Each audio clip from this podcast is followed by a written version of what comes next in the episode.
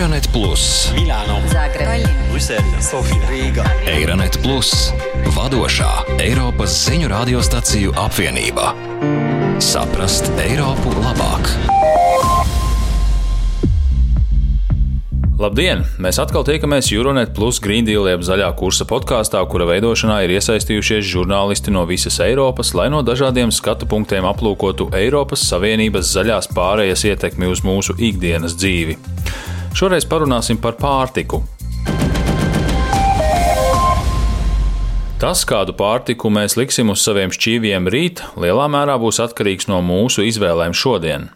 Šīs izvēles ietekmē demogrāfija, veselība, savstarpējā atkarība tirdzniecībā, ģeopolitika, kā piemēram Krievijas uzsāktais karš Ukrainā, un pāri visam klimata pārmaiņas. Klimata pārmaiņu rezultātā arvien biežāk piedzīvojam ekstrēmi augstu gaisa temperatūru, Eiropā novērojami nepieredzēti karstuma un sausuma periodi, kā arī ārkārtīgi augsti periodi un rekordliels nokrišņu daudzums. Lai gan lauksaimniecība veicina šo satraucošo tendenci, tā ir arī tās upuris. Klimata pārmaiņas ietekmē piemēram lauksaimnieku kultūra augu izvēli un lopu dzirdināšanas paradumus, ūdens pieejamību apūdeņošanai un lauksaimniecības produktu pārstrādi. Pašreizējā situācijā lauksaimnieki visos Eiropas reģionos atrodas neizdevīgā stāvoklī, jo viņiem nepārtraukti ir jācenšas pielāgot savus paradumus tā, lai tie atbilstu klimata īpatnībām. Agronoms no Sicīlijas Korrado Vigo sacīja Radio 24. Vigo norāda, ka klimata pārmaiņu un patērētāju uzvedības rezultātā Sicīlijas zemnieki tradicionālo kultūra augu vietā audzē citus. La Regione Sicilia ha una siccità ormai endemica. Sicīlijā milzīga problēma ir sausums, tāpēc mēs novērojam izmaiņas kultūra augu veidos. Tagad pie mums ir arvien vairāk avokādo plantāciju, līdzīgi kā Izrēlā vai Spānijā. Tas ir saistīts ar augsto pieprasījumu, un tur, kur ir pieprasījums, lauksaimnieki savu citronu koku, apelsīnu koku un olīvu koku vietā stāda avokādo kokus. Oliveti a avocado. Ir skaidrs, ka dažas no patērētāju modīgajām izvēlēm var palīdzēt atsevišķiem nozares dalībniekiem attīstīties klimata pārmaiņu apstākļos, taču ne visas šādas pārmaiņas ir vienlīdz veiksmīgas. Piemēram, avokādo ļoti patīk augstās gaisa temperatūras vasarā, taču tie nav tik izturīgi pret salnām un plūdiem, kam tie arī ir pakļauti. Tā kā lopkopība ir viens no galvenajiem globālās sasilšanas veicinātājiem un šīs nozares piegādes ķēdes veido 14,5% no visiem siltumnīcas efektu izraisošo gāzu izmešiem, zinātnieki aicina radikālāk pārveidot pasaules iedzīvotāju uzturu, kam būtu jābalstās uz ilgspējīgu, galvenokārt augu izcelsmes pārtiku. Tomēr visai pasaulē ir vienkārši nereāli pilnībā atteikties no gaļas un dzīvnieku izcelsmes produktiem. Patiesībā, neskatoties uz to, ka neliela daļa attīstītās pasaules iedzīvotāju samazina gaļas patēriņu, ANO pārtikas un lauksaimniecības organizācijas dati liecina, ka līdz 2030. gadam gaļas ražošana pasaulē pieaugs par 14% salīdzinājumā ar 2020. gadu. Nepalīdz arī tas, ka daudzās attīstības valstīs gaļas ēšana joprojām ir sociāli ekonomiski prestiža. Tāpēc zinātnieki aktīvi meklē alternatīvas. Viņi pat ir sākuši audzēt gaļu mēģinēs. Lauksaimniecības un pārtikas zinātnes profesore Elvīra Jariene no Vītauta Dižā Universitātes Kaunijā nešaubās, ka pēc 20 gadiem, bet iespējams agrāk, katrs no mums veikalā varēs iegādāties laboratoriski izaudzētu gaļu un gaļas produktus. Profesori sarunājās ar mūsu Lietuvas kolēģiem. Priekš vienos kamieņos lēstēļas izšķeltanas galima išauginti 10 tonu mėsos laboratorijoje. No vienas cilmes šūnas var izaudzēt 10 tonnas lielopu gaļas, un kādam nolūkam, salīdzinot ar lopkopības nozari, mēs varam ietaupīt ūdeni par aptuveni 90%. Turklāt mēs ietaupām aptuveni 99% uz zemes. Šī statistika no apvienoto nāciju organizācijas. Papildus tam mēs samazinām siltumnīcas efektu izraisošo gāzu emisijas. Padomājiet par šiem skaitļiem. Tiešām ir vērts apsvērt un meklēt šādu veidu alternatīvu. Pat 3D printeri jau tiek izmantoti, pārtika faktiski tiek drukāta uz 3D printeriem. Ir iespējams, piemēram, izdrukāt šokolādi, šokolādes krūzi. Tāpat mēs varam pagatavot burgerus no laboratorijā radītas maltās gaļas. Šie eksperimenti notiek. Ir saprotams, ka joprojām ir daudz negatīvisma un diskusiju, bet mums nav citas izvēles. Pasaulē ir tik daudz izsalkušu cilvēku. Ja mēs vēlamies viņus nodrošināt ar pārtiku, ja vēlamies, lai planēta būtu droša un zaļa, mums ir jārīkojas krasi. Nu,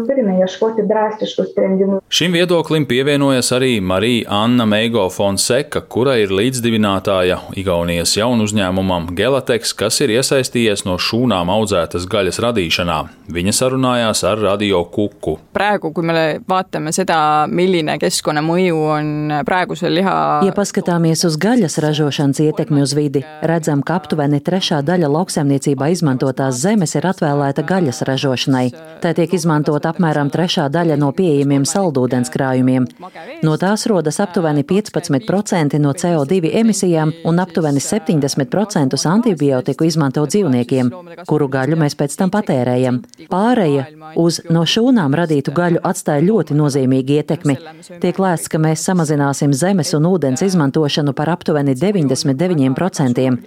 Pirmie produkti jau ir pārdošanā Singapūrā, tāpēc nākotne jau ir šeit un tagad. Ja noteikumi to atļautu, esmu pārliecināta, ka aizvien vairāk uzņēmumu ienāktu šajā tirgu ar jauniem produktiem. teistes riikides tuleks juba esimeste toodetega turule. Ja notiktu radikālas pārmaiņas šajā virzienā, tad tas nozīmētu mainīt arī kultūra augus, ko audzējam Eiropas Savienībā, jo lielākā daļa Eiropas labības tiek izmantota kā lopbarība. Asociētā profesore Moica Korošeca no Ljubljanas Universitātes stāsta raidsabiedrībai RTV Slovenija. Vire beljakovinsi pa moramo zagotoviti. a ne, in tukaj- Mums ir jānodrošina olbaltumvielu avoti, un tāpēc mūsu skati ir pavērsti uz pākšaugiem, kurus savā uzturā plaši izmantoja mūsu priekšteči. Ir arī citi olbaltumvielu avoti, piemēram, kukaiņi. Dažās pasaules daļās tos ēd jau kopš senatnes, bet citos reģionos tie tiek uzskatīti par pārāk eksotiskiem. Trešais alternatīvais olbaltumvielu avots ir jūras zāles, jeb mikroaļģes, kas ir bagātas ne tikai ar olbaltumvielām, bet arī ar vitamīniem un minerālvielām. minerāli un pa vitamīni. Uztura speciāliste un ēdienu apskatniece Žuana Moura atkārto iespējams nepatīkamo patiesību par kukaiņiem. Āzijas valstīs pagatavotus kukaiņus mēs varam redzēt pat ielu ēstuvēs. Cepti kukaiņi tiek uzskatīti par delikatesi. Tas ir olbaltumvielu avots, kuram mēs varam pievērsties nākotnē, un iespējams mums tas būs jāizmanto. Jau tagad ir pieejami kukaiņu milti, no kuriem var pagatavot piemēram kūkas un cepumus. Bieži vien cilvēki to nenojauš, bet jau pašlaik ir nopērkami daudzi miltu veidi, kas ir ražoti no kukaiņiem. Nav nekādas garšas atšķirības. Ja jūs nezinātu, tad nepamanītu. Vismaz ne kukaiņu miltu cepumos, ko esmu pagaršojusi. Jūs nezinātu, ja jums to nepateiktu. Sarunā ar pārtikas pētnieci Radostinu Gunčevu no Trāķijas Universitātes mūsu kolēģi no Bulgārijas sabiedriskā radio uzzināja pārsteidzošu informāciju, kas zināmā mērā izskaidro, kāpēc daži Bulgārijas ražotāji uzskata, ka šo iespēju nedrīkst palaist garām. Zīda tārpiņus var izmantot kā dzīvnieku olbaltumvielu aizstājējus. Zīda tārpiņš ir bagāts ar olbaltumvielām. Tas satur divas reizes vairāk olbaltumvielu nekā cūgaļa, četras reizes vairāk nekā piens un tikpat daudz kā olas. Šādu olbaltumvielu ražošana nerada atkritumus. Japāņu zinātnieki jau sen izstrādāja astronautu uztura režīmu, kurā ir iekļaut arī zīdtārpiņi. Nu Bet ko var darīt, lai palīdzētu šai topošajai kukaiņu pārtikas nozarei? Bulgārijas kukaiņu audzētāju un pārstrādātāju asociācijas līdzpriekšsēdētāja Kremena Dervenkova norāda, ka ir jāievieš attiecīgi likumi un jābūt pieejamam finansiālam atbalstam. Ja Bulgārija pieņems atbilstošas noteikumus, tai būs iespēja attīstīt konkurētspējīgu kukaiņu audzēšanas nozari. Paskatīsimies uz to no ekonomiskā viedokļa. Tā ir iespēja Bulgārijai būt par līderi kukaiņu produktu ražošanā un eksportā uz visu Eiropu. Šādai nozarei Bulgārijā ir vieta, un mēs varam iedrošināt un stimulēt vairāk cilvēku ienākt šajā nozarē. Eiropas līmenī nav subsīdiju, lai finansētu šo nozari un palīdzētu tai ātrāk attīstīties, taču dažām dalībvalstīm ir sava politika valsts subsīdiju piedāvāšanai. имат а, собствени политики да предлагат държавни субсидии. Eiropas Savienība nesen ir atjauninājusi noteikumus attiecībā uz tā saukto jauno pārtiku. Tirgu jau ir pieejami produkti no kukaiņiem, kas atbilst jaunajiem Eiropas Savienības noteikumiem, un mēs redzam arī laboratoriski radītās gaļas komercializāciju nelielā apjomā. Eiropas komisija arī izstrādāja programmas Pārtika 2030 projektu, ar kuras palīdzību tā plāno finansēt atsevišķas novatoriskas pētniecības programmas. Piemēram, projektā Healthy Minor Cereals tiek pētītas piecas pašlaik mazāk kultivētas labības sugas, lai nodrošinātu pārtikas daudzveidību. Mūsu kolēģi no Rumānijas radio iztaujāja Eiropas parlamenta deputātu Kristiānu Bušoju par to, kas šajā jomā sagaida Eiropas Savienību. E acum exact cum va arăta viitorul. Šodien ir grūti precīzi pateikt, kāda būs nākotne, kādas būs pārtikas tirgus tendences, mūsu ēšanas paradumi, kas notiks ar salīdzinoši mazo un ar vienu sarūkošo lauksaimnieku skaitu un to, kāda būs klimata pārmaiņu ietekme uz lauksaimniecības zemi. Tomēr pēdējos gados Eiropas līmenī plaši ir popularizēts, lai patērētāji apzināti izvēlētos veselīgu un sabalansētu uzturu. Un līdzīgas diskusijas notiek arī ārpus Eiropas Savienības, piemēram, ASV un Āzijas valstīs. Tā sākās ar to, cik labi mēs veicinām ilgspējību, pārtiks ražošanu, bioloģisko pārtiku, acīm redzot, ne ģenētiski modificētu pārtiku, un pat pārtiks produkts, kas ir tablešu veidā. Un visi šie rīcības virzieni, kā arī visi pasākumi, kuru mērķis ir atbalstīt lauksaimniecību un lauksaimniekus, var pozitīvi ietekmēt pārtikas tirgus ilgspēju, kādu mēs to pazīstam šodien. Es sagaidu, ka jaunā kopējā lauksaimniecības politika 2021. un 2027. 27. gadam un stratēģija no lauka līdz galdam atbalstīs lauksaimniekus, lai tie būtu efektīvāki un ekoloģiskāki, pievēršot lielāku uzmanību resursiem, bet bez pilnīgi mākslīgu produktu ražošanas gala rezultātā. Divas jaunas sievietes Briselē nesen ir izveidojušas ēdnīcas stila restorānu, kurā ir laipni gaidīts ik viens, lai palīdzētu gatavot vai vienkārši pēstu, un cilvēki var maksāt pašu izvēlētu summu. Šim novatoriskajam sociālajam projektam ir arī ilgspējīgi mērķi, jo tā izveidotājs vēlas pierādīt, ka ir iespējams pagatavot ilgspējīgu pārtiku par pieejamu cenu. Viņas nepiekrīt vēlmei radīt jaunus ēdienus un uzskata, ka nākotnes ēdienam vienkārši jābūt veģetāram un tādam, kas gatavots mājās no vietējām un bioloģiskām sastāvdaļām. Viena no projekta autoriem, Aleksa Rīkarta, sarunā ar raidsabiedrību RTBF arī stāstīja, ka mācīšanās darot ir labākais veids, kā pārliecināt cilvēkus, ka ilgspējīga un veselīga ēšana nav tik grūta, kā viņi varētu domāt. Mums ir projekts, kurā vietējie iedzīvotāji gatavo ēdienu, jo mēs domājam, ka labākais veids, kā viņi var uzņemties atbildību par ilgspējīgāku pārtiku, ir to darīt kopā. Nav jēgas skaļi runāt par vainu. Tas vienkārši traucē. Cilvēki vēlas mainīties. Visi zina par globālo sasilšanu, taču mēs bieži nezinām, ar ko sākt. Tāpēc iestrēgstam, jūtamies vainīgi, domājam, ka mums nav zināšanu un tā tālāk. Un papildus tam mēs runājam arī par savu veselību. Īsāk sakot, ik viens vēlas justies labāk, ēdot veselīgāk. Visi saprot, ka šeit ir saikne. Tāpēc mēs aicinām cilvēkus nākt un piedzīvot to kopā jaukā draudzīgā, atvērtā atmosfērā.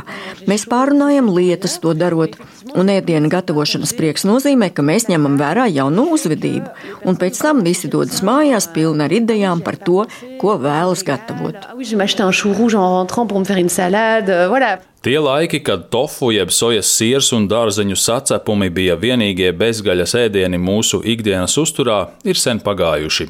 Tagad gaļai ir daudz alternatīvu, kas audzē planētu un ir veselīgas mūsu organismam.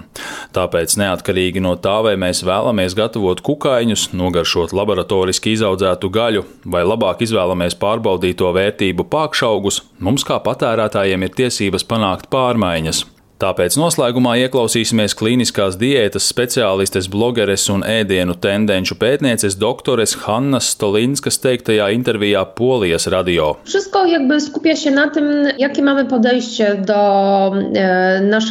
Tas viss ir saistīts ar mūsu attieksmi pret savu ķermeni un mūsu pieeju pasaulē, kurā dzīvojam.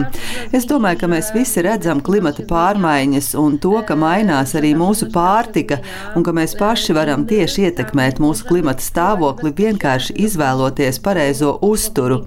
Varbūt viens cilvēks nespēja paveikt daudz, bet ja visi sāks tā domāt, tad ietekme būs milzīga. Un es to redzu arī savā praksē, it īpaši, ja runa ir par atteikšanos no dzīvnieku izcelsmes produktiem. Dažreiz tā ir tikai gaļa, nevienmēr piena produkti, olas vai zivis. Es arvien biežāk jautāju cilvēkiem, kāpēc viņi atsakās no gaļas, un arvien biežāk dzirdu atbildi, ka tas daļai ir saistīts ar mūsu klimatu. Tāpēc tas ir ļoti pozitīvi. również na nasz klimat, więc to jest bardzo pozytywne. Tas arī viss šajā Euronet Plus Green Deal jeb zaļā kursa podkāstu sērijā. Klausieties arī mūsu nākamo sēriju, kurā runāsim par ballīšu ietekmi uz mūsu planētu. Paldies, ka klausījāties, un līdz citai reizei! Eironet Plus, Milāno, Zagreb, Brisele, Sofija, Rīga. Eironet Plus, vadošā Eiropas ziņu radiostaciju apvienība. Saprast Eiropu labāk!